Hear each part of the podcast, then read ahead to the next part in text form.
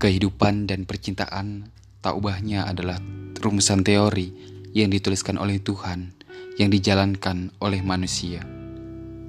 Teori tentang apa yang sebenarnya orang ingin tahu mengenai kemisteriusan dari perasaan yang hampir semua orang dapat merasakannya.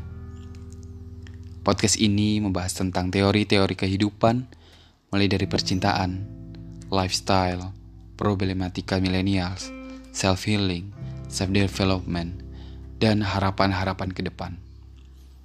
Tentu saja bersama gue Tio di podcast Teori Hati.